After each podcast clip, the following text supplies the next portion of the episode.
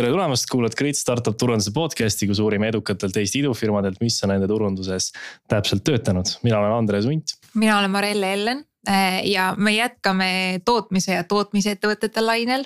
taaskord on meil külas üks äritarkvara, keda mina pidasin alguses natuke igavaks podcast'i jaoks. aga meie tänast saatekülalist soovitati mitme inimese poolt ja tundub, et põhjusega, sest tõesti sisu on eh, palju ehk siis äh, mul on hea meel, et sa siin oled. tere tulemast saatesse, Katana CMO Oliver Vesi. tere, rõõm siin olla.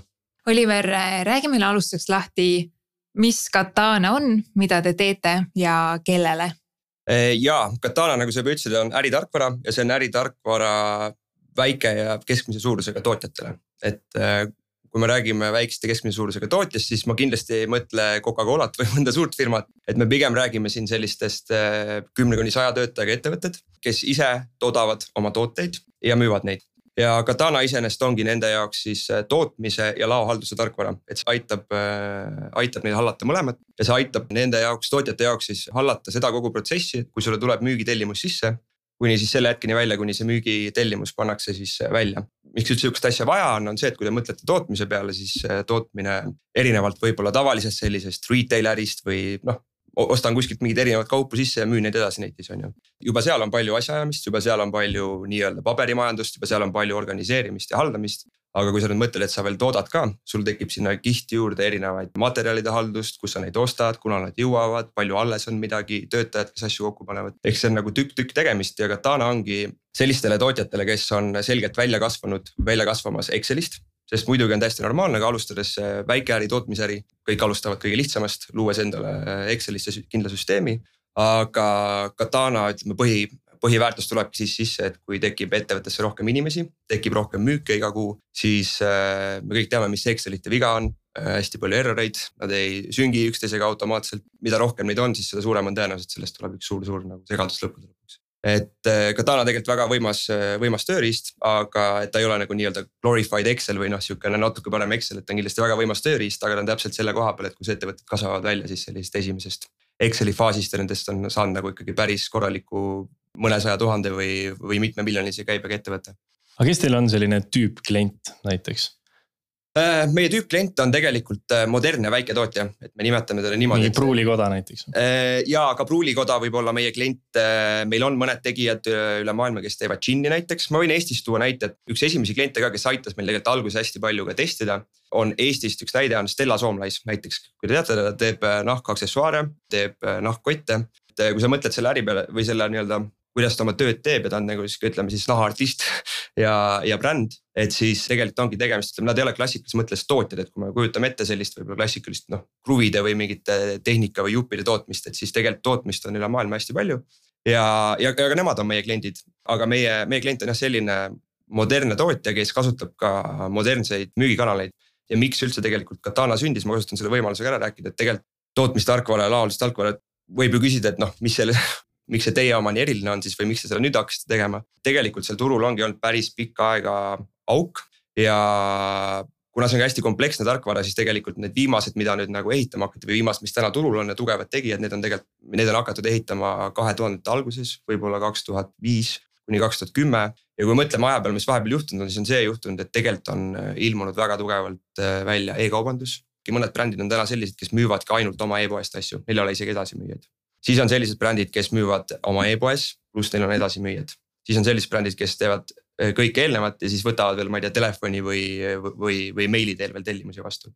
ja Katana ilma väga palju nüanssidesse minemata, et, et mis see Katana eelis ongi, siis ongi see, et Katana võtab arvesse neid modernseid müügikanaleid. väga head integratsioonid e-poodidega Katana lisaks samamoodi on modernsed kõik raamatupidamistarkvarad, et Katana ei ole selline äritarkvara, et me ei ürita kõike lahendada, me ei ürita ehitada korraga raamatupidamistarkvara, müügitarkvara, shipping'u tarkvara, et me keskendume väga tugevalt tootmisele. aga jällegi tänapäeval on niimoodi, et võetaksegi nii-öelda, võetakse igast jupist parim, et Katana on parim selles tootmise osas ja meie platvorm on niimoodi ehitatud, et see integreeruks kõikide parimate juppidega. mis on siis väga väga siis kohane nagu modernsetele ettevõtjatele, kes juba kasvavad siin generatsioonist praegused kolmekümne aastased, neljakümne aastased, et nad on nagu harjunud sellisega, et, et iga asja jaoks on tegelikult parim asi olemas ja ma ei pea leppima ühe sihukese keskse asjaga. aga kui lihtne nagu sihukese tootega on, on saada ise selle toote fänniks? kui sa ise, sinu taust on ka on ju sealt digiturunduse ja. vallast ja, ja, ja agentuurist ja. pigem sa ei ole, ma eeldan, mingi väiketootja olnud, et ja, ja siis seda toodet nagu igapäevaselt ei kasuta ka, et et kas see oli ka mingi väike väljakutse sul algul, et kuidas teha enda jaoks nagu ägedaks ja olla ise nagu hullult? jaa, väljakutse ei olnud, ma ei pidanudki pikalt nagu tegema, aga, aga noh, ma kindlalt ei teadnud tootmisest mitte midagi. kui me Katanaga alustasime, siis mul oli väga vähe aimu ja ma arvan, minu jaoks kõige võluvam asi ongi see, et et ma mõistsin, et tootmine ei olegi ainult eh, sihukese tehnikajuppide tegemine, kruvide ja mööbli tegemine. et tootmist on väga erinevat viisi, nagu ma tõingi, et on tegelikult on tänapäevased brändid olemas, noh, me räägime riietest. me räägime ägedatest jookidest, eh, šokolaadidest, mida me ise iga päev tarbime, kuni selliste huvitavate asjadeni välja, et ma toon ühe näite, mida ma kunagi ei mõelnud, et on ka tootmine, et meil on üks selline klient, kes USA-s kui mõne lähedane sureb, siis äh, ja see inimene tuvastatakse, siis on sihukene teenus, saadad selle tuha sinna ettevõttesse ja nemad siis äh, toodavad sellest tuhast siis sellise nii-öelda lutsukivi moodi asja põhimõtteliselt, mis, mis on mingi graveering peal. ja siis saadavad sulle selle ilusas pakis tagasi ja kui sa nüüd mõtled, siis tegelikult see on ka tootmine. Nende jaoks algmaterjal on see tuhk ja nad teevad sellest mingi toote ja saadavad tagasi. sealt nagu algas see, et ma sain aru, et kui palju asju on äh, üldse, mida võib toota, et ma ei tea, puust tildodest kuni sihukeste, ütleme koertele tehtud, mis need on, need sünnipäevakoogid, väiksed cupcake'id. ongi, meil on üks klient on Puppy Cake on USA-s, käis ka sihukeses saates, saates nagu Shark Tank mm. sai sealt rahasse jah, ta on esmapilgul nagu sihukene võib-olla igav tööstuse maailm, aga tegelikult on, just ongi kihvt näha, et me, me töötame hästi palju selliste just väiksemate klientidega, kes tänapäeval on tootmine läheb järjest lokaalsemaks, järjest rohkem äh, nii-öelda äh, keskkonnasõbralikumaks kõiki asju üritab, inimesed teevad ise rohkem brände. ja see on ka kindlasti see, mis Katanale nagu selle, kuidas öelda, lennu on andnud ja annab, et see trend on tegelikult kasvav, et inimesed teevad ise oma väikse ettevõtte, teevad ise oma e-poe, hakkavad müüma ja sealt kasvavad ja Katana on nende jaoks siis nagu toeks olemas, et nende äri hallata. aga mitmel, mis riikides te tegutsete? meil tegelikult ei ole regionaalset kuidagi või sellist nagu geograafilist piirangut, ma saan seda öelda, et äh, üle poole meie klientidest on äh, USA-s. aga kuna see toode on inglise keeles, meil ei ole nagu mingit sales'i inimesi, et võta sales'iga ühendust ja siis hakkame müüma sulle seda, vaid sa saad ise kohe konto teha ja ise seda kasutama hakata. ehk siis ainukene piirang tegelikult on inglise keel ja me näeme ka seda, et isegi noh, kui me võtame Lõuna-Ameerika või ütleme piirkonnad, kus äh, nii palju ei räägita võib-olla inglise keelt, siis seal ongi täpselt see, et teinekord on sihuke, ütleme viieteist inimesega ettevõte ja seal ongi nii, et see founder siis ise, et mõtleb välja, et okei okay,, meil oleks uut süsteemi vaja, et noh, tema saab sellega hakkama. aga siis päeva lõpus võib-olla see inimene näiteks, kes seda toodet seal eh, tehases siis kokku paneb. tema peab ka Katalanat kasutama ja vajutama play ja stop ja nägema tööülesandeid sealt, eks ole. siis kui tema ei saa inglise keelest aru, siis see on kindlasti probleem meie jaoks. täna me oleme ka leidnud lahendused, hästi lihtsalt on õnneks olemas mingi Google Translate'i add-on mis tegelikult laseb seda nagu tõlkida, on ju, et ta ei ole alati kõige täpsem, et mingid siuksed workaround'e on. aga me ei ole jah selle localization'i peale läinud veel, sest et inglisekeelsel turul on piisavalt neid kalu veel vees ja see tähendabki seda, et äh, mitte toote tegemist ümber, vaid sul peab olema ka support nii nii-öelda materjalides kui ka päriselt olemas inimesed, kes selles keeles oskavad suhelda, et, äh, et me ei ole veel seda sammu ette võtnud, aga varsti kindlasti. aga korra, et ka ülevaade, ütleme Katana enda nagu sihukesest äri suurusest ja ärimahtudest, et palju teil töötajaid on, mis teil käive? meil on töötajaid täna, ma arvan, et kohe saab kaheksakümmend, et me oleme tegutsenud neli pool aastat ja meie käive on, ütleme miljonites aastakäive et kasvab, et see on, ma arvan, see, mis ma saan nagu öelda ja väga, ma saan öelda, et meil on noh, juba klientide arv on ikkagi neljakohaline, nagu ma ütlesin, kellest on äh, enamus on siis äh, üle poole on USA-s ja ülejäänud jaotuvad siis äh, täiesti sellist, ütleme üle maailma ära, aga noh, suuremad inglise keelt rääkivad riigid. aga kui me liigume edasi turundusteemade juurde, siis mis teil on turunduses sellised peamised kanalid või, või peamised fookuskohad? Meie turundus on ehitatud üles, äh, kuidas ma ütlen, sihukese eestlasliku talupoja mõistusega, et me ei ole algusest peale nagu vaadanud neid asju või vaadanud seda niimoodi, et, et mida peaks turunduses teha, tegema või huvitav, mida turunduses teevad ja mida edukad võib-olla ettevõtted nagu turunduses teevad otseselt. nagu meie või? ei et äh, aga kuidas me oleme selle teinud, oleme niimoodi, et, äh, et kelle järgi me oleme läinud turul, kes on meie see target, kelle järgi me esimestel ütleme noh siiamaani oleme kõige rohkem läinud ongi tegelikult see inimene, kellel juba on mingi probleem oma tootmises ja ta juba on nii-öelda in market. ehk siis ta juba otsib seda, et me oleme seda tuvastanud, et neid inimesi on igal hetkel, igal päeval piisavalt palju juba, et meie edu noh need, see kasv, mida me planeerime, et, et sellest see nagu ära teha. ja me keskendume, keskendume jah sellele inimesele, kes on juba, juba nii-öelda in market. mitte me ei lähe tootmisettevõtetele, kes ei ole selle peale mõelnud või nad ei ole isegi aru saanud, et neil see valu on, me ei lähe neile seda nagu müüma või maha suruma, et see oleks palju parem. ja noh, kindlasti me jõuame sinna, aga, aga eesmärk ongi esmalt ära katta see osa, kes juba on nagu turul ja kui küsida, et kuidas me selle üles oleme ehitanud, siis tegelikult olemegi niimoodi, et me oleme aja jooksul välja töötanud, see on muidugi jätkuv protsess alati. ka kindlad terminid, kindlad äh, otsingud, kindlad, kindlad fraasid äh,, mida sellised inimesed kasutavad. kes on, kes on just selles faasis, neil on juba tõsi taga ja oleme hästi lihtsalt öeldes, me eesmärk on domineerida seda otsingu teekonda ehk siis noh, nagu me teame, enamus otsinguid tänapäeval ükskõik mille jaoks saab tegelikult ju alguse otsingumootorist. ja põhimõtteliselt meie eesmärk on see, et kui sa nüüd paned meile mingi otsingu sisse, on ju näiteks production scheduling software, siis meie ülesanne on olla igal pool, mis ei ole meie konkurent. ehk siis põhimõtteliselt, kui sa nüüd vaatad, ma ei tea, esimest kahtekümmet tulemust, siis me peame seal olema, kui see ei ole konkurendi leht, siis me peame seal olema, see võib siis olla, kas noh, me võime rääkida, et seal on reklaam. See võib olla mingisugune selline list või kuidas öelda, et nagu list parimaid, ma ei tea, top kümme parimat production scheduling tarkvara. noh, seal me saame ju olla, see võib olla mingi kolmanda osapoole blogiartikkel, nendega on alati võimalus üle ühendust võtta et palun, me soovime siin olla, see tavaliselt maksab raha, aga kindlasti seda väärt. ja siis muidugi meie enda, enda sisu ka, olenevalt siis teemast, kas see on sihukene, ütleme teoreetiline, rohkem teoreetilisem mingile probleemile vastuse otsimine, on see blogipost. või on see siis juba kindel nagu sihuke nagu landing page, mis on seo jaoks tehtud. Et need on need põhilised asjad, et kui seda lihtsalt vaadata, siis ongi selle mängu nimi on nagu domineerida seda kõike ja olla seal kindlasti kohal et ja me ei ole sellest täna veel kindlasti noh, nagu seal, kus me peaks olema, et see töö käib, on pikalt käinud, aga, aga see on see mõte, et siis me saame, seal on mitu asja, et siis nad ei saa meist nagu mööda vaadata ja sellise asja puhul ikka. et see ei ole, kuidas öelda, et noh, see ei ole sihukene noh, nagu kindlasti lihtne ost või see, et ma täna mõtlen ja õhtuks juba nagu kasutan, eks ole. et pigem on küsimus selles, et, et seal tehakse alati mingi shortlist, kolm kuni viis tarkvara, mida nad hakkavad siis lähemalt uurima, meie ülesanne on sinna saada mm. -hmm, mm -hmm kuidas teil turunduseelarve sihuke protsentuaalselt ütleme ja jaguneb? no ma nüüd tulengi sellesama, ütleme selle otsingu juurde tagasi, eks ole, siis tegelikult on selle otsingu sees on sihuke asi, mida noh, ise sisemiselt kutsume nagu software review site ideks. ehk siis kui sa guugeldad midagi ja paned sinna mingit tarkvara ja paned sinna lõppu sõna software, noh näiteks HR software, ma ei tea, marketing automation software, siis eh, vastustes on ülekaalus, ütleme top kümnes on ülekaalus sellised, ongi software review site'id, on see GetApp, Capterra, G2 Crowd. ehk siis, mis on idee poolest sellised kokku pandud siis nagu listid inimestele, et millised on sel hetkel siis parimad. et mis on see best või top kümme mingitel alustel, eks ole. tegelikult see maailm, ütleme kasutajana ka tava, väga pettunud, aga see on ikkagi väga, väga nagu rahal põhinev maailm ja see on tegelikult väga sihuke kuidas ma ütlen, need ranking ud seal on ikkagi enamasti sõltuvad mitte sinu review'de, mitte sinu review score'ist ja sellest, kui palju sul neid on, et kui hea sa nagu tegelikult oled review'de põhjal. vaid äh, meie jaoks väga palju sellest, mida me kasutame, on, on need makstud. sa maksad oma positsiooni eest, näiteks ma võingi näitena tuua, et kui sa võtad sellesama näiteks sihukene manufacturing software, ühel review's on sihuke kategooria, neil on väga tugev seo, nad tulevadki alati noh, top kolmes välja.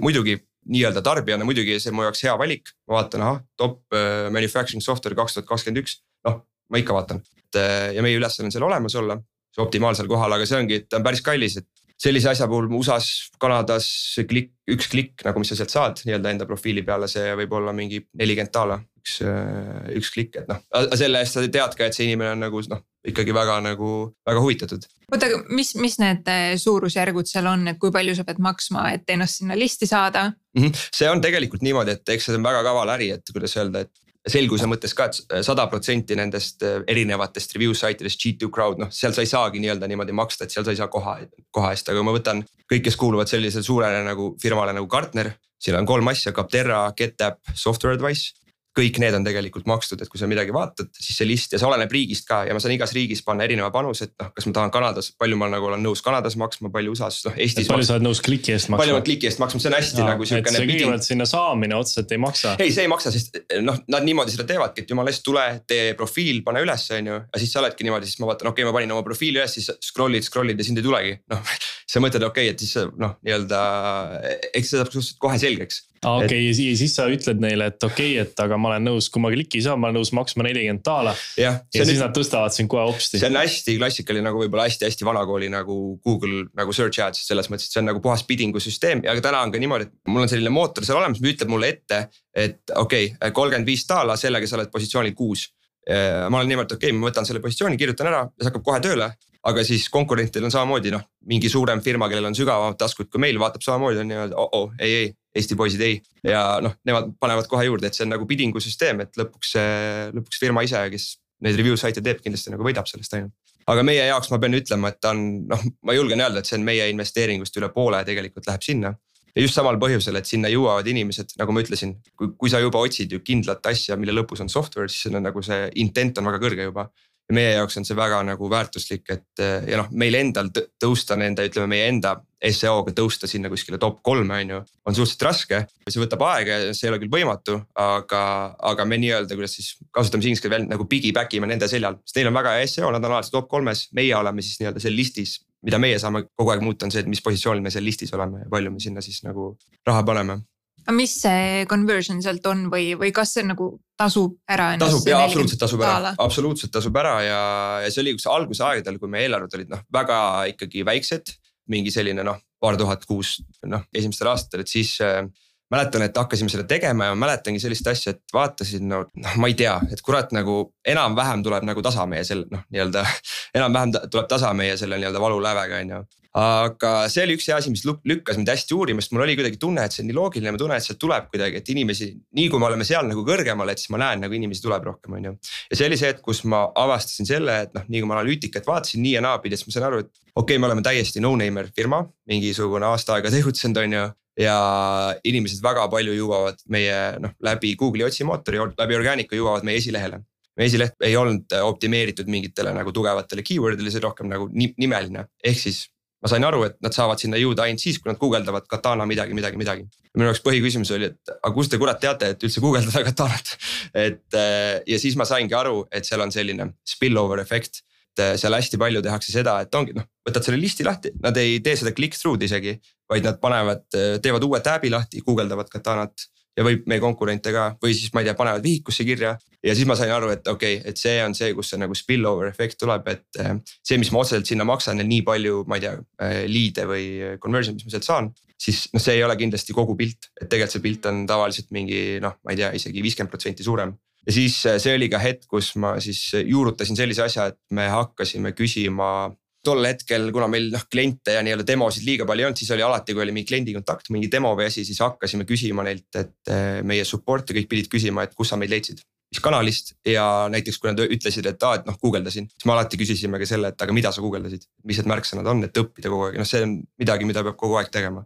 et mõista, eriti see, ma arvan, et kehtib ka nende turgude kohta, kus ma ei tea, ettevõtte siis tegijad või noh, näiteks mina samamoodi, me oleme eestlased, on ju ja meil on ikkagi oma, oma mingi teatav estonglish ja nagu mõista mingisuguseid termineid, et noh, neid mõistetakse USA-s hoopis teistmoodi ja me kuidagi ei tulegi nagu. Me, me ei suuda nagu sellises keeles mõelda nagu nemad, seda tähtsam on õppida, et mis keelt nad kasutavad, mis termineid, termineid nad kasutavad. ja sellest hetkest, kui ma tegin selle, kui me selle sisse viisime, me teeme selle täna, noh tänapäeval ta on rohkem automatiseeritud, mingid bot'id küsivad seda ja support'e igatepidi me üritame kindlaks teha, et kõikide maksvate klientide kohta vähemalt me saame selle info, et kus nad meid leidsid. ja kui ma vaatan selle listi nii-öelda, et mul on ühel pool siis Google Analyticsi nagu selline source on ju, et kust nad tulid, siis äh, ütleme nii, et see, see, kui neilt küsida, et kuidas nad meieni tege- või kust nad meid meist esimest korda tegelikult kuulsid või kuidas nad meieni jõudsid, siis see ikkagi muudab seda pilti päris palju. Et ainult võib-olla seal Google Analyticsi põhjal neid otsuseid tehes ma oleks äh, kindlasti palju konservatiivsem ja selline palju raskem oleks enesekindlust leida, et kuhu investeerida aga see on customer support'i inimene paneb siis kirja need terminid. ta, ta, ta, ta, ta, täna see on juba rohkem autom automatiseeritud, see algas niimoodi, et kõnede jooksul küsiti, aga täna on juba noh kindlas faasis, kui meil on klient juba ütleme niimoodi, et äh, kas ta on, teeb aktiivselt oma trial'it või juba on maksev klient, et meil on kindlates kohtades see nii-öelda äh, trigerdatud, kus me nende käest küsime ja tüütame neid sellega. sest noh, see on meie jaoks meeletult, meeletult väärtuslik informatsioon aga mis see loogika seal taga on, et algus nagu väiksema eelarvega see listide asi ei toiminud nagu nii hästi aga.... see loogika pigem oligi selles, ütleme nii, et ka eelarved olid väiksed, on ju, oligi raske aru saada, et see oli suhteliselt algusaegadel, aga mis minu jaoks oligi, et ta tuli nagu napilt tasa, aga ta tuli sellepärast napilt tasa. Äh, et ma ainult vaatasin neid klikke, mis sealt, mis sealt otse tulevad, aga siis, kui ma sain aru, et okei okay,, aga ma peaks ju siia juurde liitma ka need, kes tegelikult leidsid meid sealt, aga tehniliselt nad ei klikkinud seal ega tulnud, aga leidsid meid ikkagi sealt siis see nagu tegi, kuidas öelda, tegi sinna investeerimise palju nagu kindlamaks ja me saime aru sellest väärtusest palju paremini. Mhm. okei, okei, okei ja mu jaoks on endiselt veits šokeeriv teadmine. kusjuures üllataval kombel internetis kõik ei olegi tõsi, mis ma jah, ja mina olen nüüd aru saanud, ma ei, ma olen, ma ei tea, see nädal mitu korda ohvriks langenud. aga eks seal on noh, mingi usk peab ka jääma, et eks seal on mingeid asju, et üks võib-olla asi, et kui kanalitest rääkides, et mis, mida ma enne vist ei maininud ka, et meie jaoks on oluline, mis on ka otsingul, mis ei, on äh, App Store'id ehk siis ja ma ei räägi nüüd siis nagu iOS-i või Androidi App Store'ist, vaid ma räägin meie integratsioonide App Store'ist. ma toon näite, et meie siis kõige, ütleme suurem integratsioon on Shopify e-poe platvormiga, mis on kõige kiiremini kasvav maailmas. Neil on väga korralik nii-öelda App Store, kus sa saadki endale noh, võtamegi sama näiteks selle Stella Soomlais näite. et tema saab oma veebipoodi, noh sealt saab kõike, erinevaid mingeid pop-up'e, check-out'i asju, aga sealt saab ka selliseid suuremaid asju nagu meie integratsioon, mis on tegelikult siis nii-öelda lao ja tootmishalduse nagu integratsioon. seal kehtivad jällegi oma reeglid, et viimasel ajal on hästi palju rohkem näha kuulutusi, et otsitakse inimesi App Store optimization'i peale. see on nii mobiilis kui ka tegelikult see kehtib ka siis meie puhul. et seal on sama asi, et ka seal on väga oluline olla tipus, noh seal niimoodi raha ka ei saa nagu puhtalt. et seal see on rohkem nagu seo moodi ja seal tulevad uued faktorid mängu, et seal päriselt loeb näiteks mitu review'd sul on kui head need review'd on ja loeb ka tegelikult siis see, kui, äh, kui hiljutised need review'd on. et see, et ma sain võib-olla viiskümmend review'd aastal kaks tuhat kakskümmend, noh ma ikkagi kukun siis allapoole, et Shopify on siukse nii-öelda algoritm, algoritmi ja meetme nagu välja mõelnud, et, et ka motiveerida neid App Store'is äh, pakkujaid, et näita, et sa oled relevantne kogu aeg mm. -hmm ja väga raske, selle kohta ma võin ka rääkida, et see, ega kui midagi head öelda ei ole, siis väga harva ikkagi kirjutatakse. kuidas sa saad neid review sid siis? räägi jah, see, ma just tegelesin sellega siin paar nädalat tagasi. kas see läheb linti ka või äh, tegelikult, äh, tegelikult on niimoodi, et see on sihuke hall ala, noh, mida ma suhteliselt kohe õppisingi, on see, et sul on vaja seal, et olla edukas, et ette jõuda, sul on vaja suhteliselt tihedalt ja palju review sid.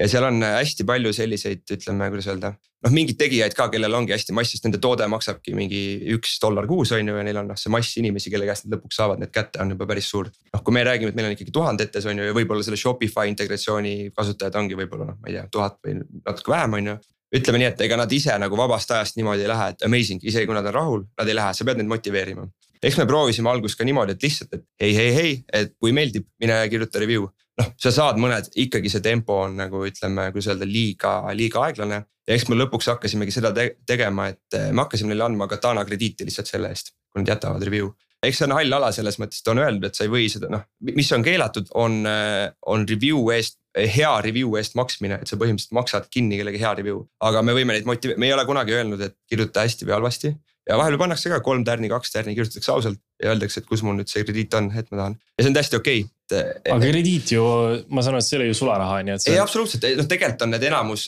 enamus sellised võid, lehed pakuvad kas... mingit Amazoni kinkekaarte ja midagi sellist. ma mõtlen, kas see altkäemaks mitte ei puuduta nagu sularaha, et sa või sula, sularahas kinni maksta või see puudutab ka seda, et sa ei tohi ikkagi üldse ka mingit krediiti anda. need reeglid on ka, on, on ka veidi, veidi erinevalt olen, olenevalt keskkonnast, aga ütleme nii, et me oleme mänginud nagu selle selle piiri peal, et seni me oleme kindlasti valmis nagu teistmoodi tegema, aga lihtsalt paraku see on ainuke asi, mis töötab.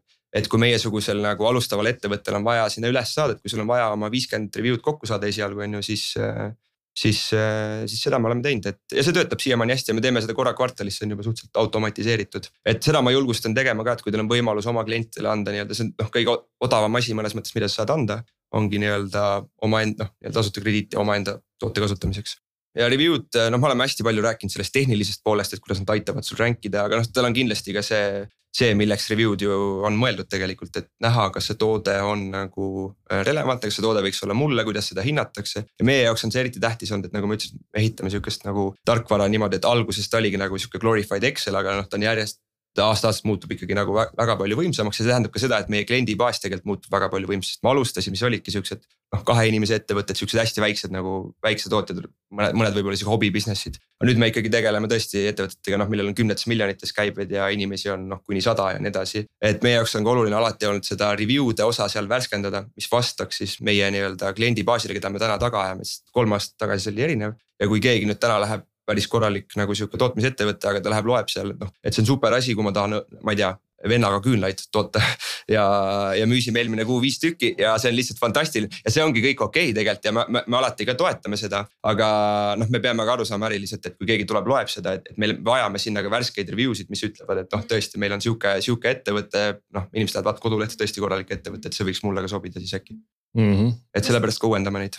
kas te neid review sid kuidagi kasutate nagu mitmest kanalist ka või noh, selles suhtes, et ongi, on erinevad äpp store'id on ju, siis on mingid review side'id, siis on teie enda kodulehekülg on ju. ja me kasutame neid äh, ära ka kindlasti oma kodulehel, et ma pean ausalt ütlema ka, et noh, alguses, kui review sid ei olnud ja siiski erinevaid asju tegid, noh siis ikkagi ütleme, ma olin ainuisikuliselt vastutav äh, review'de kirjutamise eest et ikkagi sa pead, kui sa tahad Ameerika turul või kuskil olla, et see noh, nii-öelda siis sa pead nagu sinna jätma nagu. noh, meil ikka kodulehel olid mingid välja mõeldud nagu review sid ja asju. tänaseks on see muidugi nagu muutunud, et meil on nüüd seda content'i nii palju, et me saame igast case study sid ja review sid nagu päriselt kasutada, mida inimesed on öelnud. aga me kasutame jah, ikka kasutame, et võiks võib-olla, ma ei tea, kuskil reklaamides ja kuskil landing utel võib-olla isegi veel rohkem kasutada aga, aga mitte väga, me kasutame seda sisemiselt ka, et see on sama asi, kui sa review sid loed, see on sama nagu kliendiga rääkimine. sa näed, kuidas ta kirjutab, sa näed, mis termineid ta kasutab ja ta näeb, kuidas näiteks Katanale viitab. ma ei tea, kas ta ütleb selle kohta manufacturing software või ta ütleb MRP. erinevaid viise on, et me ei ole sihuke ühe konkreetse, mida on raske nagu ühe,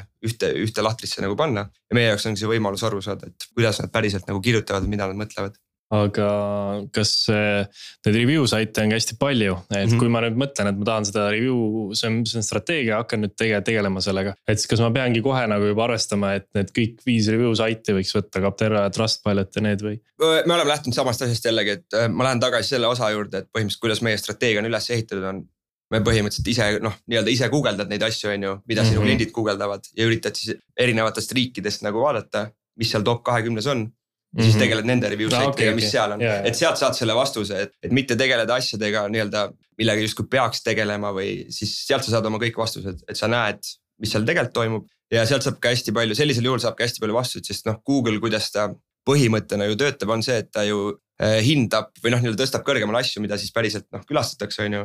mida päriselt selle otsingut otsides klikiti tegelikult ja sealt sa saad ka alati õppida seda, et okei okay,, aga mis siis töötab või noh, mida siit tegelikult otsitakse, seda saab ka endal ise oma sisu ja ma ei tea, blogi landing uid tehes arvesse võtta. okei okay,, ehk siis kui top kahekümnes, kui ma, kui ma guugeldan enda seda yeah. asja ja seal ei tule Trustpilot välja näiteks mm -hmm. seal esimesel lehel, siis pole mõtet. jah, et kui sa teed selle nii-öelda noh, on ju ühe, üks võib olla eksitav, aga kui sa tõesti võtad oma keyword'ide listi ette ja usud, et see on see, on ju. et sul on piisav keyword'ide list ja kui see kuskil seal välja ei tule, siis noh, nii-öelda Trustpiloti pärast Trustpilotit teha, et noh ei ole mm. ju iseenesest mõtet, võib-olla seal on mingi muu väärtus, aga selle otsingu mõttes ma siis vaataks, et pigem, mis seal on ja tegeleks nende asjadega, et eh, kuidas seal olla kohal.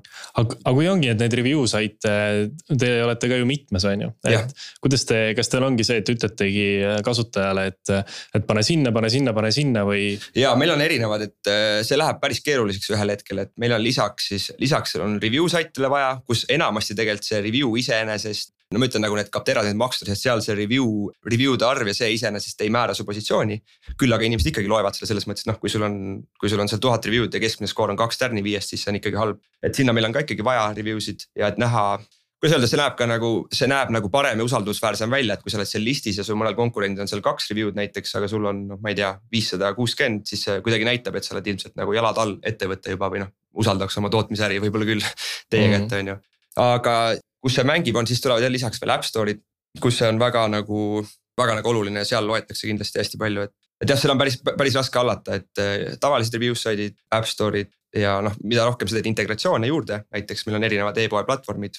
siis noh, seda rohkem see haldamine läheb, et ma olen päris kindel, et see on nagu varsti täiskohaga töö juba mm.. kuna see ikkagi ütleme, eelarve ja see potentsiaal on seal väga, väga nagu suur päris hea, täiskohaga nagu review mingi manager jah, et noh, seal on sama asi, et seal lõppkokkuvõttes on seal positsioonid, sul on review'd, et sa nii-öelda tegelikult noh, ütleme selle inimese töö ei olekski siis tegeleda, ütleme, et review'de saamisega. vaid äh, selle positsiooni roll on, on teha kindlaks, et Katana on kas siis App Store ides või review site alati kõige optimaalsema koha peal. ja noh, mingis mõttes ta on nagu sihuke, nagu kuidas öelda nagu pay per click või nagu sihuke mingi search ads'i teema juba mingil hetkel, kus, kus sa ainult maksad ja nagu nii-öelda. pead optimeerima, et kust oleks, kus, milline positsioon on kõige rohkem, et äh, noh, ma võin USA-s esimene olla. aga tegelikult lõppkokkuvõttes võib-olla ei olegi vahet, kas ma olen viies või esimene, esimese kohast ma maksan lihtsalt kaks korda rohkem. aga kui sa lõpuks näed, vaatad seda funnel'it, et okei okay,, tegelikult jõuab sama palju inimesi lõpuni, et noh mm.. et ja sa hakkad ka aru saama sellest, et kuna see ei olegi selline asi, et oo, ma otsin tootmistarkvara, buum, kohe esimene tulemus, selle võtangi saadki aru, et see on okei okay,, kui sa oled neljas vahepeal, et sa pead selle optimaalse koha välja arvutama. et siis vahepeal nagu nimelt korra proovite olla seal esimesed. ja, ja siis... olen, olen teinud küll, et meil on kuid. näha, näha ära nagu. just ja saada selle hingerahu, et sa muidu ei saa seda tegelikult, et sa mõtled, et noh. sa, sa oma südames ja või nii-öelda nagu kogemus ütleb küll, et kolmas on ka okei okay, neljas, et see ei muuda seda asja nii palju, on ju. aga noh, mina proovisin, ütleme nii, et oligi, et sain, saingi teada, et äh, otsid selle op optimaalse koha välja, et meie jaoks esimene ei teinud nagu peale suurema kulu nagu mingit suurt vahet. väga hea. väga hea. Te lansseerisite suvel uue brändi ja, ja uue kodulehekülje. kust see otsus tuli või, või miks see vajalik tundus tol hetkel? see otsus tuli mitme, mitme koha pealt tegelikult. päris ausalt, see oli nagu mitme asja kokkulangevus, mida oli vaja me olime, me alustasime oma Katana lehte ehit-, ehitati kõige alguses sellise, sellise veebiplatvormi peale nagu Squarespace. noh, mis tegelikult ei ole mõeldud sellise nagu SaaS-i ettevõtte, kus sul on sadu lehti ja blogisid ja. aga seal oli väga lihtne, kuna meil ei olnud nagu mingit veebi skill'i väga palju, et seal oli lihtne koht, kus me saime ise jooksvalt hästi kiiresti asju vahetada. noh, nii-öelda selle selle haldamine oli väga lihtne meie jaoks ja disaini muutmine. siis me olime selle peal hästi pikalt, aga seal tekkisid äh, mingil ajal ikkagi nagu piirangud ka seo mõttes ja põhimõtteliselt äh, Squarespace ütles meile väga selgelt, et kogu aeg, kui ma sinna sisse logisin, tuli mingi punane error, et teil on liiga palju lehti ja üldse noh, nagu. ja, ja lisaks oli ka asjad, mida me tahtsime te näiteks seo-s tehniliselt muuta, seal ei olnud lihtsalt võimalik muuta, et neil ei olnud seda võimekust, on ju mm. -hmm. ja seal siis äh,, seal me jäime kinni, ühesõnaga meil oli vaja ka uut, uut platvormi ja teiseks oli see, et nagu ma ütlesin, alguses meie kliendid olid hästi väiksed siuksed ettevõtted, on ju. ka meie ütleme koduleht ja see info seal peal ja need näited ja brändid ja kõik seal olid, olid ka sellised noh, nii-öelda natuke sihuke kodukootud nagu vibe oli sellel kõigil on ju ja me tundsime ka, et nüüd eelmise aasta teise poole seisuga, et me selgelt liigume nagu sinna turul ülespoole, suuremate ettevõtete poole ja me tundsime ka, et see noh, nende jaoks on see sihuke, kuidas öelda. usaldus ja see, et nad tunneksid ennast seal ära, väga oluline, et me suudaks neid nagu veenma katanat kasutada. ja sealt tegelikult tuligi siis vajadus mõelda läbi ka kogu meie bränd mõelda välja kogu meie läbi kogu meie veeb, mis infot me seal pakume, case study'd, et näidata, no meie jaoks kindlasti väga oluline näidata, et me teenindame erinevaid industry eid. sest tihtipeale nagu paljude asjade puhul, aga on ka Katana puhul see, et tihtipeale tuleb keegi, et see on lahe küll, et te toidutööstust näiteks teenindate, on ju, või saab teha. aga kas teil Texases šokolaaditootjad on, et mind huvitab see mm., eks ole. ja no see on suhteliselt ekstreemne näide, aga point on selles, et äh, väga palju peab olema seda, et on võimalus ära tunda ennast et jah, Katana on mõelnud minusuguse tootmise peale ka. ja seda rohkem me oleme, kindlasti panime rohkem rõhku sinna. Eh, case study sid tõime selle juba menüüdes välja, et noh, menüüdes, kui sa ringi käid, et sa näed eh, neid erinevaid asju, et siukseid väikseid detaile hästi palju. ja ma arvan, et see õnnestus meil väga hästi, et ma tahakski tänada siinkohal meie koostööpartnerid ka, on selline agentuur nagu Nobe. et väga-väga eh, head, väga-väga head partnerid, nendega koos töötasime, ma arvan, päris kihvti brändi välja see projekt on selles mõttes ka alati huvitav, et see oli meile endale ka tiimina nagu väga hea projekt, et mõelda läbi, mis me oleme täpselt, kes me teeme, sest nagu ma ütlesin enne, et noh, Katanat kui toodet on väga raske ühte lahtrisse panna, et see kogu see protsess ikkagi võttis noh, ma arvan kokku pool aastat aega. et see aitas meil endal ka jõuda kindlusele, selgusele ja töötada ka selle kallal, et aga kuidas seda kõike sõnastada, et ma arvan, et selle brändi puhul on ka oluline, et noh, oleks enne seda brändi projekti, et kui Katana kohta küsida näiteks meie enda töötajatelt, siis äh, küsid kahekümne töötaja käest ja ma arvan, et sa oleks saanud mingi kuusteist erinevat vastust, mis see on, millest ükski ei oleks nagu vale olnud. aga lihtsalt nagu puudub selline korralik nagu selgroog, millele on hea toetuda. kasvõi noh, lihtne näide, et reklaame asju tehes et sa ei pea iga kord hakkama nullist mõtlema näiteks, et kuidas me seda nüüd tutvustame või, või mis me ütleme, et sul on need põhitalad alati olemas, need on läbimõeldud. Neid on nii-öelda rünnatud, need on igalt poolt nagu läbi töötatud. et sa võid alati julgelt selle peale toetuda, et see on õige asi, mida, mida praegu öelda. ei pea nullist nagu hakkama tegema, mida, mida alguses on väga palju kindlasti startup'is aga kuidas, kuidas te kokku panite selle selgroo, selle kuueteist eri arvamuse pealt?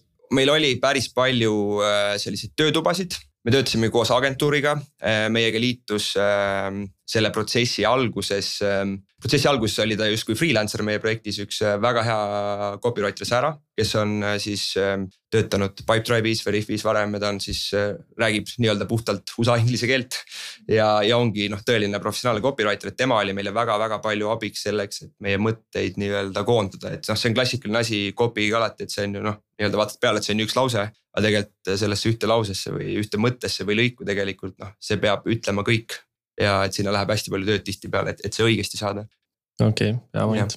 ja, ja jah, mida keerulisem nagu võib-olla toode, seda, seda olulisem kindlasti on professionaalne sihukene copy teine asi, mis mulle kodulehel kohe silma jäi, oli see, et teil on hästi informatiivsed, hästi põhjalikud case study'd mm. -hmm Äh, milline see protsess välja näeb või kuidas te kliendilt nagu selle info kätte saate?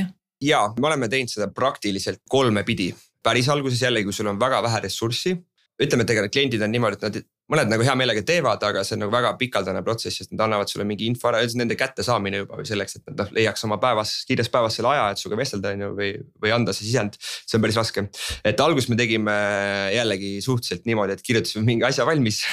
ja siis saatsime neile ülevaatamiseks, et äh, kuulge, et kas teie arust on okei okay või võiks midagi muuta, on ju, et kuidas meie seda, meie koostööd nägime ja nende, nende siis nagu võite tänu Katanale äh, siis me läksime üle sihukesele hästi lihtsale lahendusele mingi hetk, et mõtlesime ilma igasuguse framework'ita, kui aus olla, sellise põhimõtteliselt me saatsime nagu Google Forms'i, kus me panime lihtsalt kirja, et okei okay,. et äh, seal olid mõned lahtised küsimused, aga enamus olid niimoodi, et kas teie ütleme siis äh, näiteks äh, tootmise efektiivsus on Katanat kasutades tõusnud null protsenti, kakskümmend viis protsenti, seitsekümmend viis protsenti või sada protsenti näiteks on ju. Et lihtsalt lasime neil mingi valiku, nad valisid oma vastused ära ja meie kirjutasime siis selle põhjal pikema teksti. noh, ega nad väga nagu sihukest värvikat sisendit meile ei andnud, aga meie siis pidime ise olema värvikad, eks ole. ja see oligi sihukene trade-off, ma ütlen, et selleks, et seda kokku kirjutada, tegelikult teha päris intervjuud, sul peab olema nagu ressurssi päris palju. noh, pluss nagu ma mainisin, ei saa neid kätte tihtipeale, et see on päris pikaldane protsess ja me valisimegi sellise kesktee, et okei okay, me üritame saada neilt nagu mingid faktid kätte ja kirjutada siis see ise selliseks nagu paremaks. ja nüüd uue kodulehe tulekuga ka,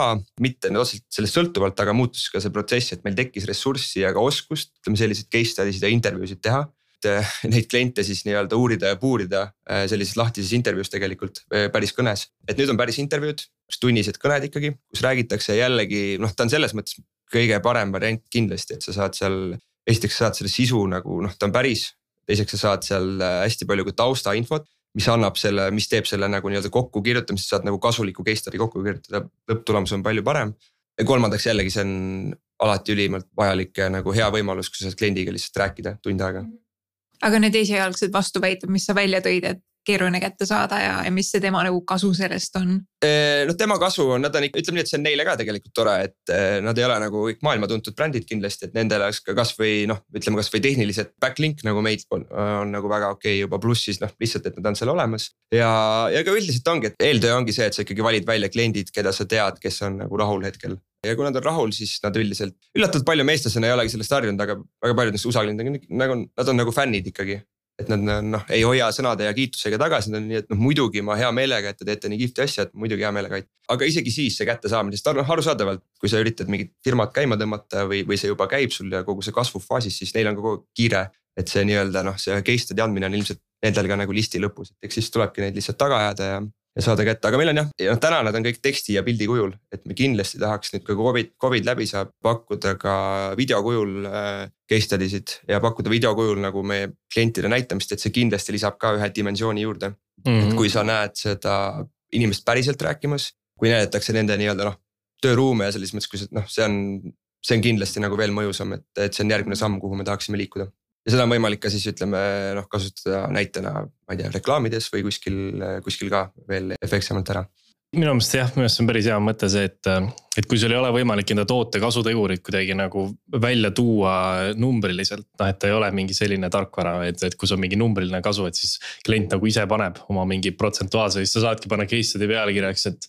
tema ja et see just. kaks venda, kes teevad küünlaid, kasutasid tootmisvõimsust seitsekümmend viis protsenti. ja absoluutselt, et eks see ütleme algus ongi, et nüüd me üritame ka, et, et luge, no nii-öelda lugejal peab ka olema nagu huvitav ja see kui kõigil on järsku on noh, seitsekümmend viis protsenti umbes või, või yeah., või sada on ju, või siuksed ümmargused, eks me seal ka kindlasti tegime seda, et me ei tahtnud nagu näha nagu veidrad välja, et kõigil on, ma ei tea, sada protsenti, seitsekümmend viis, et eks me nagu.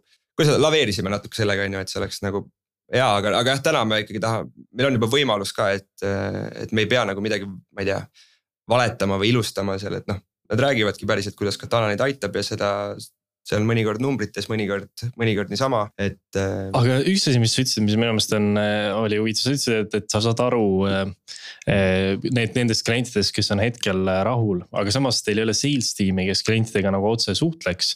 et kas see on siis customer support, kes teab seda? ja või? meil on tegelikult olemas ja sihuke, ütleme customer experience nagu tiim ja tõsi ta on, et noh, nii nagu meie turundus on suuresti nagu inbound, nagu ma enne seletasin, et me veits teeme seda juba, on ju, aga me ei lähe nagu väga kellelegi, kes seda ei, ei ole nagu märku andnud kuidagi, et tal võiks vaja minna lähiajal.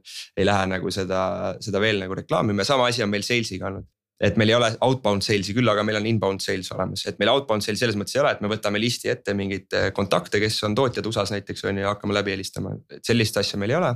küll aga on meil olemas inbound sales'id selles mõttes, kui mingi liit tuleb, mingi vestlus tuleb, mis sobib, mis on sobiva profiiliga, kvalifitseeritakse ära. et siis sales võtab ta selles mõttes üle, et teha kindlaks, et, et see klient siis või potentsiaalne klient siis nagu leiaks oma tee selle tooteni. ja mõnikord on ka täiesti okei okay,, nad ütlevadki, et noh, sorry, et see Katana ikkagi ei sobi mulle. aga et ei jääks nagu see õhku, et äkki tal noh, ma ei tea, ta ei saanud ise millestki aru või, või midagi sellist. et meil on tegelikult, tegelikult mitu, mitu faasi ja kui, kui meie ettevõte on kasvanud ka, et see läheb öelda nagu rohkem etappides ka, et seal on onboarding tiim, seal on support tiim, seal on onboarding tiim, kes siis tegeleb kindlas faasis, teeb ka onboarding nii-öelda siis kõnesid, et kuidas inimesed saaksid oma tooted, materjalid õigesti sisse jälgime kogu seda protsessi ja, ja analüüsime ka, et, et jah, tegelikult äh, see nii-öelda käe hoidmine on, on ikkagi olemas. aga jah, see on ka üks asi, mida me oleme algusest peale tahtnud teha, et sellist hästi nagu self onboardable toodet, mida on raske teha. see on iseenesest juba kompleksne toode, aga kui sa proovid seda teha hea UX-iga ja et ta oleks nagu self onboardable ka, siis see lisab nagu mitu layer'it challenge'it juurde selle, selle asja tegemisse. aga, aga kuidas on veel mingite sihukeste kanalitega, mida tihti siuksed B2B SaaS-id kasutavad, et mingit makstud reklaame või retargeting'i? Retargeting'i teeme, et see on, ma arvan, meie peamine osa, et me teeme ka noh, meil on ka look-alike audience'e, et ja meil on äh, meil on jah, mingid erinevad Google'is ka mingid in-market audience'id, mis nagu meil töötavad, aga, aga me alustasime ka kohe alguses samamoodi nagu vundamendi ülesehitamist, siis me alustasime retargeting'ist ütleme niimoodi, et seal üks põhikaalukeeli alguses oligi, et miks me selle peale läksime, et ma toon näite, et ongi, et ma otsin mingit sihukest otsingut nagu raw material inventory management problems näiteks on ju. keegi mm -hmm. otsib, tal on mingi probleem nagu materjali selle haldamisega on ju. ja siis on niimoodi, et seal on erinevad, see on sihuke, öelda, teoreetilisem otsing. meil on selle kohta blogipostis olemas, USA-s vaatad, et see on mingi teisel-kolmandal kohal aru, et sel hetkel nad ongi sellised ühe blogi lahti, natuke diagonaalis, ahah, okei okay,, siin vist või ma ei tea, command F-iga, et siin vist ei räägita täpselt sellest, mida ma tahan, on ju. Äh, võtad teise blogi, ahah, see on võib-olla meie oma, vaatavad ka, et ahah, okei okay,, siin on juba rohkem, okei okay,, aga ma ei teagi, siis terve päris või siin on, ma ei tea, aga ühesõnaga lähevad ära. see ei ole nagu sihuke, et keegi või noh, et keegi tuleb ja loeb sada protsenti kõik selle läbi, on ju, noh äh, ühesõnaga, et seal on väga suur oht sellest, et teed mingi artikli lahti ja ei mõistagi, et seal taga on noh, et me oleme nii-öelda pakume mingit tarkvara ka, et ei pruugi selle call to action'i isegi jõuda meie jaoks ongi siis see võimalus, et me oleme ära reganud, et on keegi, kellel on nii-öelda materjali haldamise nagu probleem, on ju. meie jaoks oleme ära reganud ja nüüd ta hakkab noh te,, tema arvab, et tema näebki seda reklaami juhuslikult nagu esimest korda, on ju. Facebookis, et nüüd on Katana, on ju. ja me teeme ka niimoodi, et näiteks, et retargeting'i mõttes ka, et kui näiteks äh, meil on Shopify teemalised blogipostitused, on ju. siis ongi niimoodi, kus sa juba Facebookis näedki nagu, et Shopify pluss Katana, sest noh, Shopify on nende jaoks nagu tuntud asi kui nad seda juba otsivad, mm. ilmselt nad siis on kas kasutajad või hakkavad kasutama või mis iganes ja siis me lisame sinna Katana juurde nagu, et see noh, et see on nagu kombo, kui sa oled, kui sa oled tootja ja müüd Shopify's, et siis nad näevad juba spetsiifilist nagu Shopify ja Katana. see kõlab nagu mingi häkk nagu, see on päris hea. et aga jah, see on meie retargeting'i, ütleme niimoodi, et põhipoint, mitte neid nagu mitte peamiselt ma ütleks isegi see, et nagu olla nagu meeles või noh, nii-öelda nagu mm. suruda nagu vaikselt peale, et aga äkki ikka, et see ka kindlasti, aga, aga ma arvan, et blogis käib ka päris palju nagu inimesi läbi siis ei pruugigi jõuda selle hetkeni, kui nad mõistavad, et aa, see on, aa, see on mingi, aa, okei okay,, see on mingi tarkvara ka nagu. et siis lihtsalt meie justkui registreerime sel hetkel, kui nad käivad mingit blogiposti lugemas nagu selle huvi ära, et okei okay,, midagi neil ju peab olema ja siis hakkame näitama mm. -hmm. et, äh, et jah, selliseid asju teeme. okei, okei. ja ma ei tea, kas sellise tarkvaraga tegelikult me oleme, kui reklaamidest rääkides, üks asi veel, mis on meil nagu päris me ei ole seda skaleerinud väga suureks veel, aga on noh, tänapäeval saab erinevaid nagu databaase, et ütleme, et meie jaoks on oluline leida tootjaid kes müüvad Shopify's. siis on täna sellised lehed nagu äh, ühe näide, mida me oleme kasutanud, on builtwith.com ehk siis nagu ehitatud millega builtwith.com, mis on põhimõtteliselt, nad müüvad siis datat, et neil on nagu web crawler'id, kes käivad nagu veebi, äh, veebilehti läbi. ja näiteks Shopify näitel, kui sa võtad lehe source koodi lahti, seal on noh, sealt on kohe võimalik sellel bot'il tuvastada, et tegemist on Shopify poega, on ju. ja mina saan sealt databaasist siis otsida näiteks inimesi, ma otsingi noh, ma ei tea, ütlengi, et näiteks Äh, anna mulle kõik Shopify lehed Californias, millel on siis title'is kirjas, ma ei tea, näiteks mingi handmade mm, leather bags näiteks või mis iganes. ühesõnaga, ma üritan leida, väga raske on leida, aga ma üritan leida selliseid termineid, mis viitaks nagu, et see on toodetud või näiteks organic cosmetics. et noh mm., nad peavad kontrollima seda protsessi, et see ei ole nagu päris niimoodi, et sa Hiinast ostad sisse ja siis nagu müüd edasi. sealt sa saad listi, et ongi noh, mingi neli, neli tuhat poodi on ju, noh, nemad korjavad seda infot avalikult selles mõttes, et äh, seal on siis äh, kõik, mis kodulehelt on e, emailid, telefonid, kõik võetakse välja. ja siis on veel tööriistu, millega omakorda sa saad selle info siis upload ida kuskile, mis siis üritab sulle leida veel täpsemaid kontakte nagu nendele inimestele. noh, seda saab kasutada emaili turunduses, aga tänapäeval saab seda kasutada ka juba niimoodi, et kui sa telefoninumbrid, nimed e, emailid laed ülesse Facebooki. sa tegelikult saad teha noh reklaame nii-öelda, et kui Facebook suudab need ära match ida on ju et seda me tegime ka mingi aeg äh, ja mingi aeg me jõuame nüüd tagasi selleni, et aga tol hetkel, kui me tegime, meie mahud olid ka väiksed, ongi sihuke pika vinnaga asi. aga meile kirjutati paar korda küll ikkagi, et kuulge, et nägin Facebookis reklaami, et kui oled mööblitootja, on ju. ja kasutad Facebooki, et siis, äh, et siis äh, kindlalt Katana on nagu see, see, mille peale see ettevõte ehitada. ja siis küsiti ka, et, et kuidas te teate, et see on nagu veits creepy. ma ütlesin, et ikkagi noh, ju vedas, et et hea kuulda, et läks õigesse kohta, et aga ju siis nagu Facebook teadis, et aga, aga jah, tegelikult on.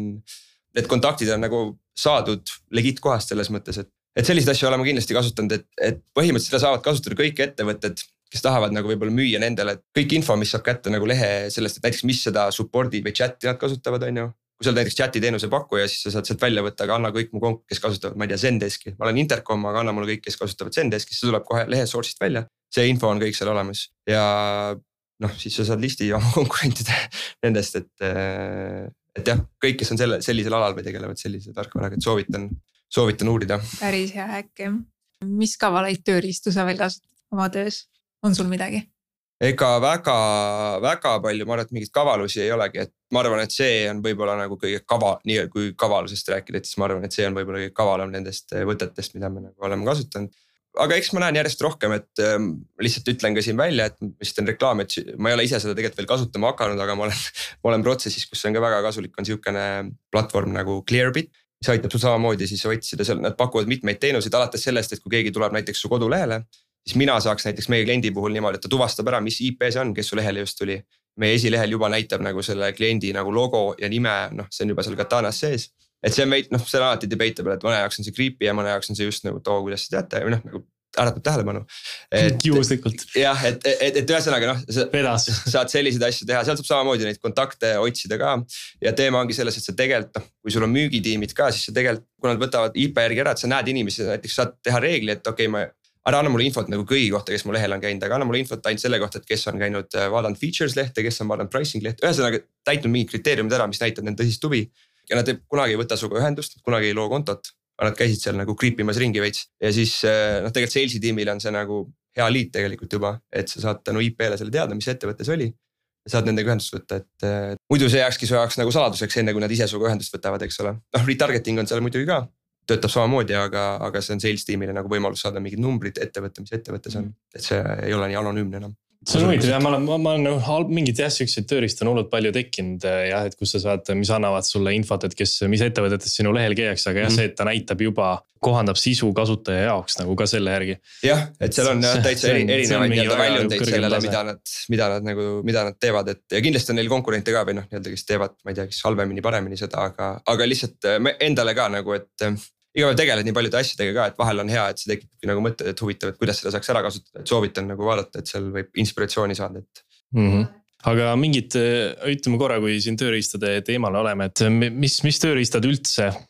mis, mis sinu portfellis on? Äh, ma mõtlen, et meil ei ole tegelikult seal nagu väga, väga paks see stack, et me kasutame seo puhul, me kasutame RFC või Hrefsi. Äh, kasutame ka SE ranking ut hetkel, et lihtsamini natuke oma ranking uid ja seda nii-öelda nagu toimuvat hallata ja noh, emaili turunduse puhul me kasutame täna ka äh, sellist asja nagu Vero ja tegelikult on meil noh, ütleme tootena, see ei ole küll ainult nagu turunduse tööriist, aga on selline äh, asi nagu segment, mis siis ma ütleks, et on meie nagu keskne nagu data koht, kuhu jookseb kokku nii turundusdata kui tootedata et noh, selle näitlikustamaks see on niimoodi, et, et sinna jookseb sisse näiteks kõik, mis toimub toote sees, et mida üks klient teeb, mitu näiteks nagu sales order'it tal on. Või kas ta on viimase seitsme päeva jooksul, ma ei tea, mitu toodet on müünud näiteks on ju, või, või kui palju materjali ta on sisse ostnud, et selle põhjal saab, sa tahad mingi audience'i teha, see tähendab seda, et. et see segment ongi nagu keskne osa, sinna tuleb tootest sisse data. nüüd, kui ma tahan näiteks tehagi automaatselt kohe nagu reklaami Facebookis niimoodi, et ainult nendele inimestele on ju. või lookalike'i teha selle pealt, siis ta saadab selle info automaatselt nagu edasi, edasi siis Facebooki, et, et meie jaoks on lihtsalt ka väga oluline see nagu edasiareng, et muidu see oli väga palju nagu käsitööd, et sihukest infot edasi-tagasi saata, sama, see on oluline ka analüüsi jaoks et sa saad paremini veel kokku viia, noh, ma ei teagi, kes kust tuli, sa saad selle nii-öelda selle market noh, nagu enne sign-up'i toimuva ja siis pärast nagu toote sees toimuva nagu paremini üheks ajajooneks nagu teha, et. siin tahaks jälle, et meil oleks video podcast ja siis sa saaks meile näidata kõike. kuidas see käib jah, aga soovitan vaadata, et segment.com peaks olema või midagi, segment on igal juhul selle toote nimi, et, et et jah, see on sihukene põhialus, mis annab nagu võimaluse hästi palju muid asju teha kiiremini ja rohkem infot saada Intercom on meie jaoks nagu sihukene asi, mis noh, mida me alguses kasut-, ma arvan, me kasutasime seda liiga paljudeks asjadeks võib-olla. aga Intercom on siis noh, tegelikult on see chat, see chat'i mull, ta on nagu support'i tööriist.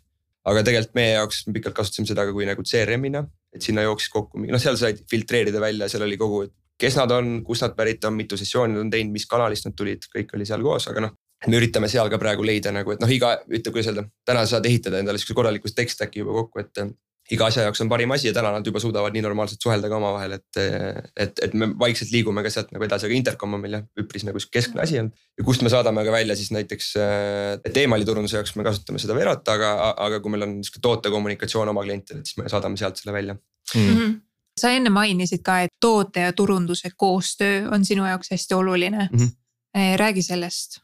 Meie jaoks kindlasti see toode ongi nagu süda, et me oleme hästi, kuidas öelda, tootest juhinduv nagu üksus, ettevõte ka. et meie jaoks on kindlasti see kese on see toode ja meil on ette teada juba umbes noh, kaks-kolm aastat, mida me täpselt teeme, mis feature'id meil välja tulevad, see lihtsalt võtab nagu aega. ja selle järgi me saame ka turundust ette planeerida, et me saame noh teada, et okei okay,, me liigumegi suuremate klientide puhul, okei okay,, meil tuleb sihuke võimekus ka.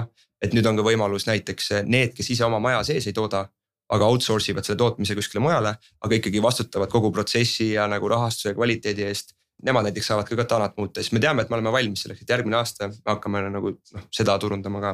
ja noh, nagu ütlengi, et see kõik tuleb turundusest ja me ka näeme vaeva ja, ja, ja tahame niimoodi teha, et turundus ja, ja toode ei oleks nagu mingid eraldi asjad või eraldi, eraldi üksused, näe, me tegime siin selle asja valmis, te nüüd vaadake, kuidas see nagu inimesteni viia. me liigume ikkagi järjest rohkem sinnapoole, et äh, ka meie product marketing tiim, kelle ülesanne ongi see, et toode viia klientideni nagu õigesti, õigel ajal, õiges sõnastuses ja et see jõuaks nagu õigete inimesteni, et nad teaksid. et toode olekski siis nii-öelda parimal kujul ka nagu seletatud. nõuab hästi palju teadmisi, aga point on selles, me tahame product marketing on nagu ikkagi tootetiimi sees. et see ei ole nagu niimoodi, et noh, nagu ütlesin, teeme tootes mingi asja valmis. siis me ütleme nüüd turundusele, et näed, tegime sihukese asja, et te nüüd noh, tehke nüüd midagi sellega. et see on nagu üks normaalne protsess, nii nagu ütleme, tootedisainer on tootejuhiga koos seal sees, siis on ka toote nagu turundaja on seal sees, et kes mingit kindlat osa tootest nagu vastutab selle eest et siis see turundus on kogu aeg seal ja on kõikides aruteludes sees. paratamatult, mida rohkem sa oled koos selle sama asja sees, seda rohkem sul on võimekust ka endal nagu genereerida mingeid mõtteid, saada aru, okei okay,, miks seda, ahah, okei okay,, aga siis ma saaks ju nii teha, okei okay ah see, okei okay,, nende jaoks on see ebarelevantne, siis ma selle peale ei mõtlegi. et eh, kui see antakse sulle kätte ühel hetkel, et antaksegi sihuke noh, nii-öelda küll korralik briif. Aga siis on ikkagi niimoodi, et kuule, nüüd oleks järgmiseks nädalaks vaja, et hakka mõtlema, on ju et see on nagu inimene, on. kui mingeid küsimusi on ja, ja nii edasi. et kes on nagu kinda kahes tiimis korraga on ju. ja, ja et ta tegelikult noh, tema oskus siis ongi, et tal on nagu, kuidas öelda siis tal on see nagu turunduslik mõistus ja kogemus. aga tegelikult oma igapäevast tööd ta teeb tootetiimi sees. et tema on siis see, kes vastutab, sest et noh, meil on väga selged nagu eesmärgid ka, et tootele üldiselt või meie ettevõttele üldiselt sellest on lihtne juhinduda ja neil on kõigil üks eesmärk, nii disaineril, selle tootejuhil kui ka turundajal on tegelikult üks märk, no üks eesmärk jõuda selle numbrini. et siis, eh, siis see teeb selle töö lihtsamaks, et ja see on ka alati sihuke õppimisprotsess, et me ka kogu aeg nagu arendame seda. ja praegu suund on kindlalt sinna, et need inimesed oleks tiimis sees, toote, tootetiimis sees. Eh, sa ei ole turundustiimis enam kaugeltki üksi. kuidas sa tiimi üles hakkasid ehitama, et, et mis rollis ja, ja mis järjekorras sa neid kaasasid mm? -hmm see on päris huvitav asi, mille peale ma olen palju mõelnud ka, et äh, ma alustasingi üksi, noh nagu ikka, meil oli iga asja peale üks inimene on ju alguses. ja algus on ikkagi, et kuna mu enda taust on ka, ma olen sihuke nagu generalist, ütleme niimoodi, et ma ei ole nagu üheski asjas nagu superspetsialist, aga ma põhimõtteliselt nagu loogikat jagan ja põhimõtteliselt saan kõikide nende asjadega nagu hakkama mingi piirini.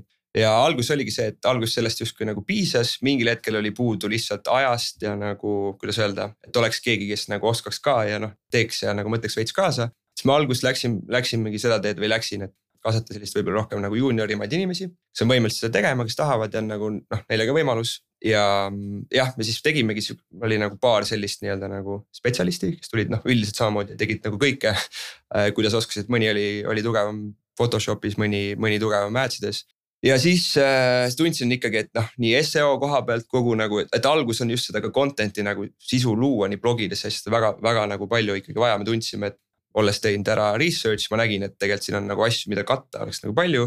ja kui ma hakkan seda üksi punnima ja kuidagi tol hetkel see teema ka nii keeruline iseenesest, ta ei ole nagu sihuke igapäevane teema, et millest paljud oskaks kirjutada. mulle tunduski, et mõistlik oleks investeerida kellegisse või investeerida sellesse, et meil oleks nagu inimesed, kes oskaks, oskaks kirjutada ja suudaks nagu sisu välja panna ja. ja siis noh, selle eesmärk tol hetkel oli puhtalt seo ja siis meil tuligi esimene tiimiliige, kes jällegi ütleme peale minu tegi siis põhimõtteliselt samal ajal product marketing'i et noh, kõik, kuidas asjad lehel on, uued feature'id tulevad, kogu see kommunikatsioon klientidele, uudiskirjad nende kohta, tegi seo-d ja tegeles esiteks siis nagu content'i tiimiga, et me võtsime kaks kirjutajat tööle. meil oli tund, noh, me tundsime, et meil on ikka siin nagu ligi sada ütleme teemat, mille või postitust nagu, mida võiks kohe kirjutada, mis oleks nagu asjalikud, millel on potentsiaali. ja siis juhtida neid kirjutajaid ja siis ühtlasi ka tegeleda siis noh, seo-ga sõna otseses mõttes siis olime selles faasis, kuni siis äh, ma arvan, et me kaasasime äkki pärast seda, kui me kaasasime esimese sihukese suurema rahastuse, siis me tundsime, et okei, nüüd on nagu võimalus rohkem spetsialiseeruda ka. sest et ei ole realistlik, et noh, jätkub head tähelepanu nagu kõikidele asjadele võrdselt. tundsime, et on võimalus spetsialiseeruda, siis me hakkasimegi liikuma, et noh, kuna otsing on meie jaoks nagu oluline olnud siis me hakkasimegi leidma just kõigepealt otsingu poole rohkem nagu spetsialiste, et oleks inimesed, kes tegeleks sellega ja, ja, ja veaks seda ja, ja siis teise asjana siis sealt tuligi edasi ikkagi toode ka, et product marketing'iga on sama asi. seda võib teha väga lihtsalt, nii nagu teed oma osa ära, toode ütleb sulle, näed, siin on see asi, saadad kirjad välja, paned sõnumid välja.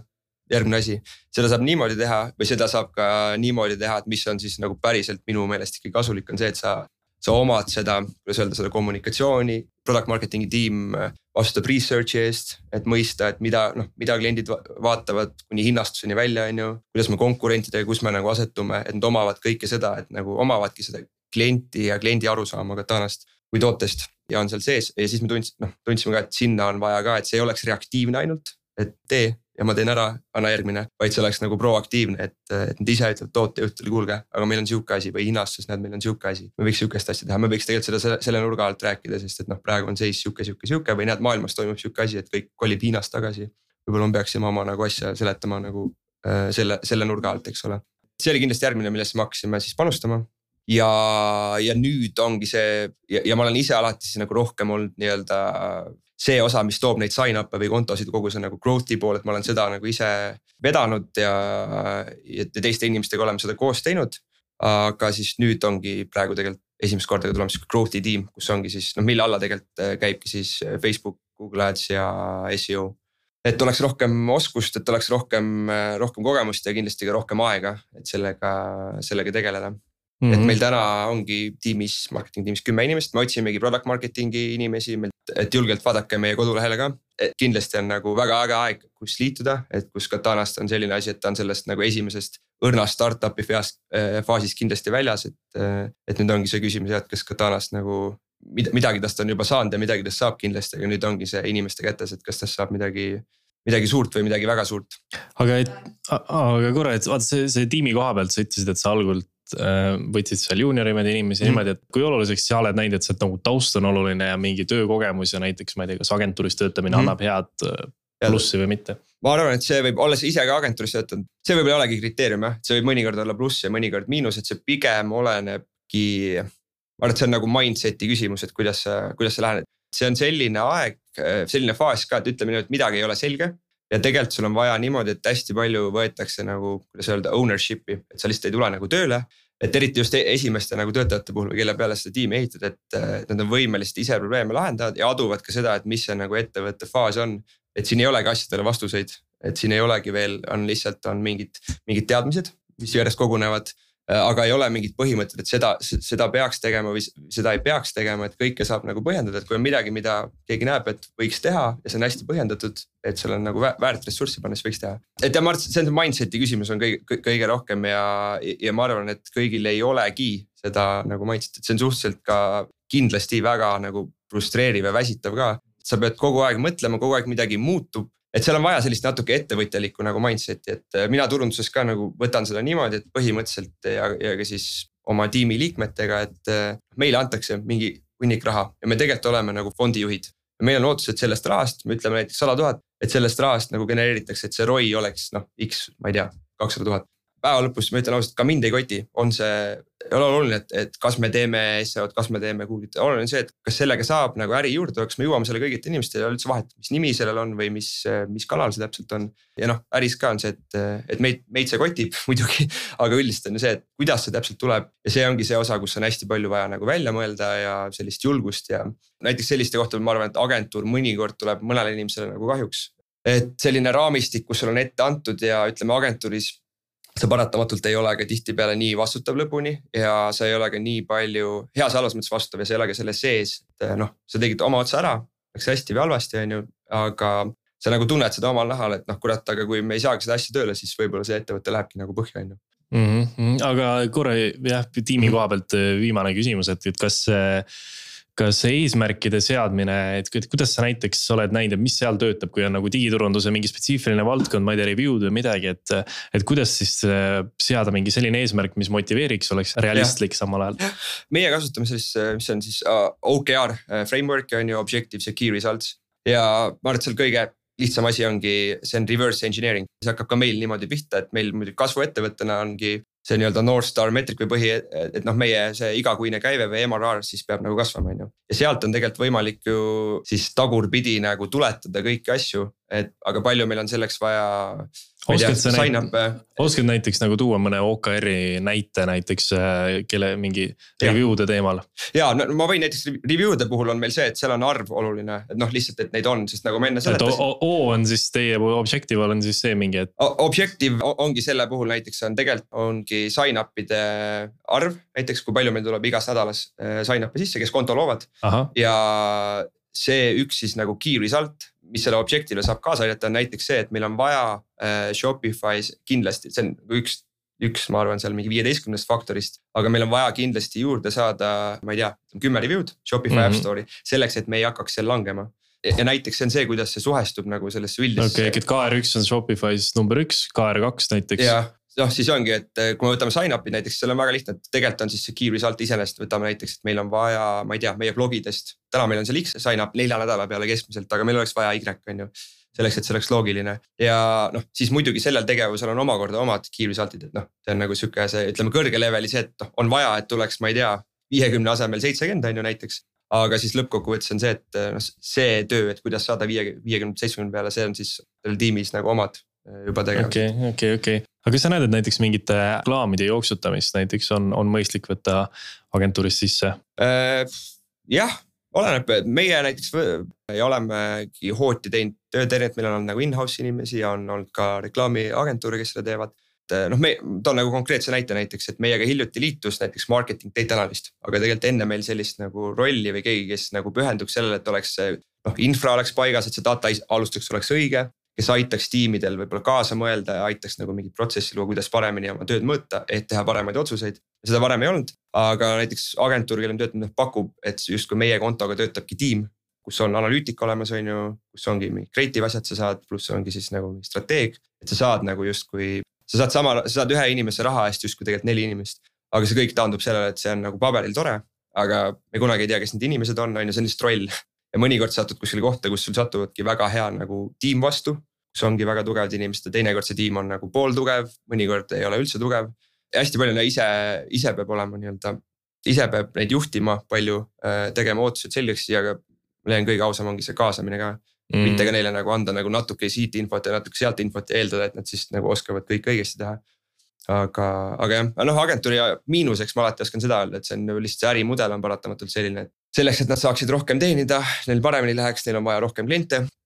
mida rohkem kliente on, seda vähemaks jääb, ma arvan, kvaliteetset tähelepanu. et sa võid küll inimesi juurde võtta, aga seal on oma protsess alati. ehk siis alati sa võid, oleneb, kuidas sa suhtud ja kõik nii edasi arvatavasti ongi, kuidas sa neid inimesi kaasad, et sa võid mõnikord jääda nagu sinna listi lõppu kuidagi, kus. kus su asju tehakse siis, kui ollakse juba õhtul väsinud ja sihuke, et teeks ära, on ju aga ongi, et kui sul on maja sees. inimfaktor jah. inimfaktor täiesti, aga kui sul on maja sees see inimene, siis see kuidagi ütleme niimoodi, et kontroll, kontroll on väga halb sõna selle kohta muidugi, aga ütleme, see on nagu see kuidagi arusaam, et mis täpselt toimub, kuidas progress on ja see kuidagi nagu. ma arvan, et see ownership on nagu suurem kindlasti. jah yeah. kas äh, sul on südamel veel mõni teema, millest me ei rääkinud, aga millest sa tahad rääkida?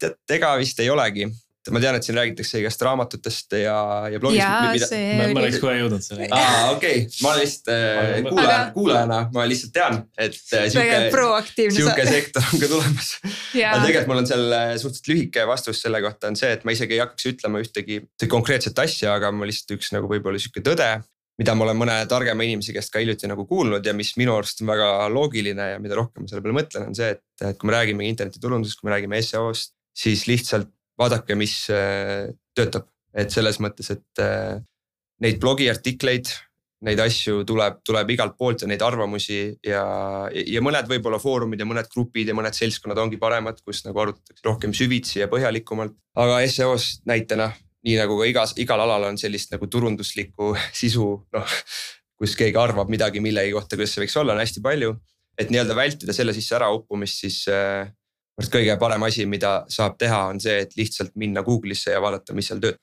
et sul on enda jaoks mingi otsingufraas, kus sa tahad edukas olla ja vaata, kes on seal top kolmes, mida nemad teevad, noh võrdled ennast nendega sisuliselt, tehniliselt ja noh, sa saad sealt noh nagu palju vastuseid.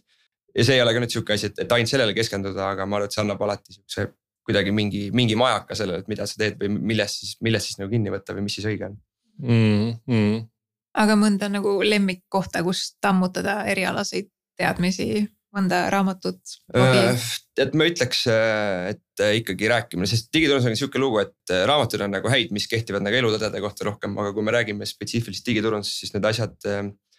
digiturunduses ma arvan, et väga palju loogikat ja sellist ka talupojamõistust ja noh, nagu psühholoogiat nagu üldse turunduses ja üldse selles, kuidas elu käib.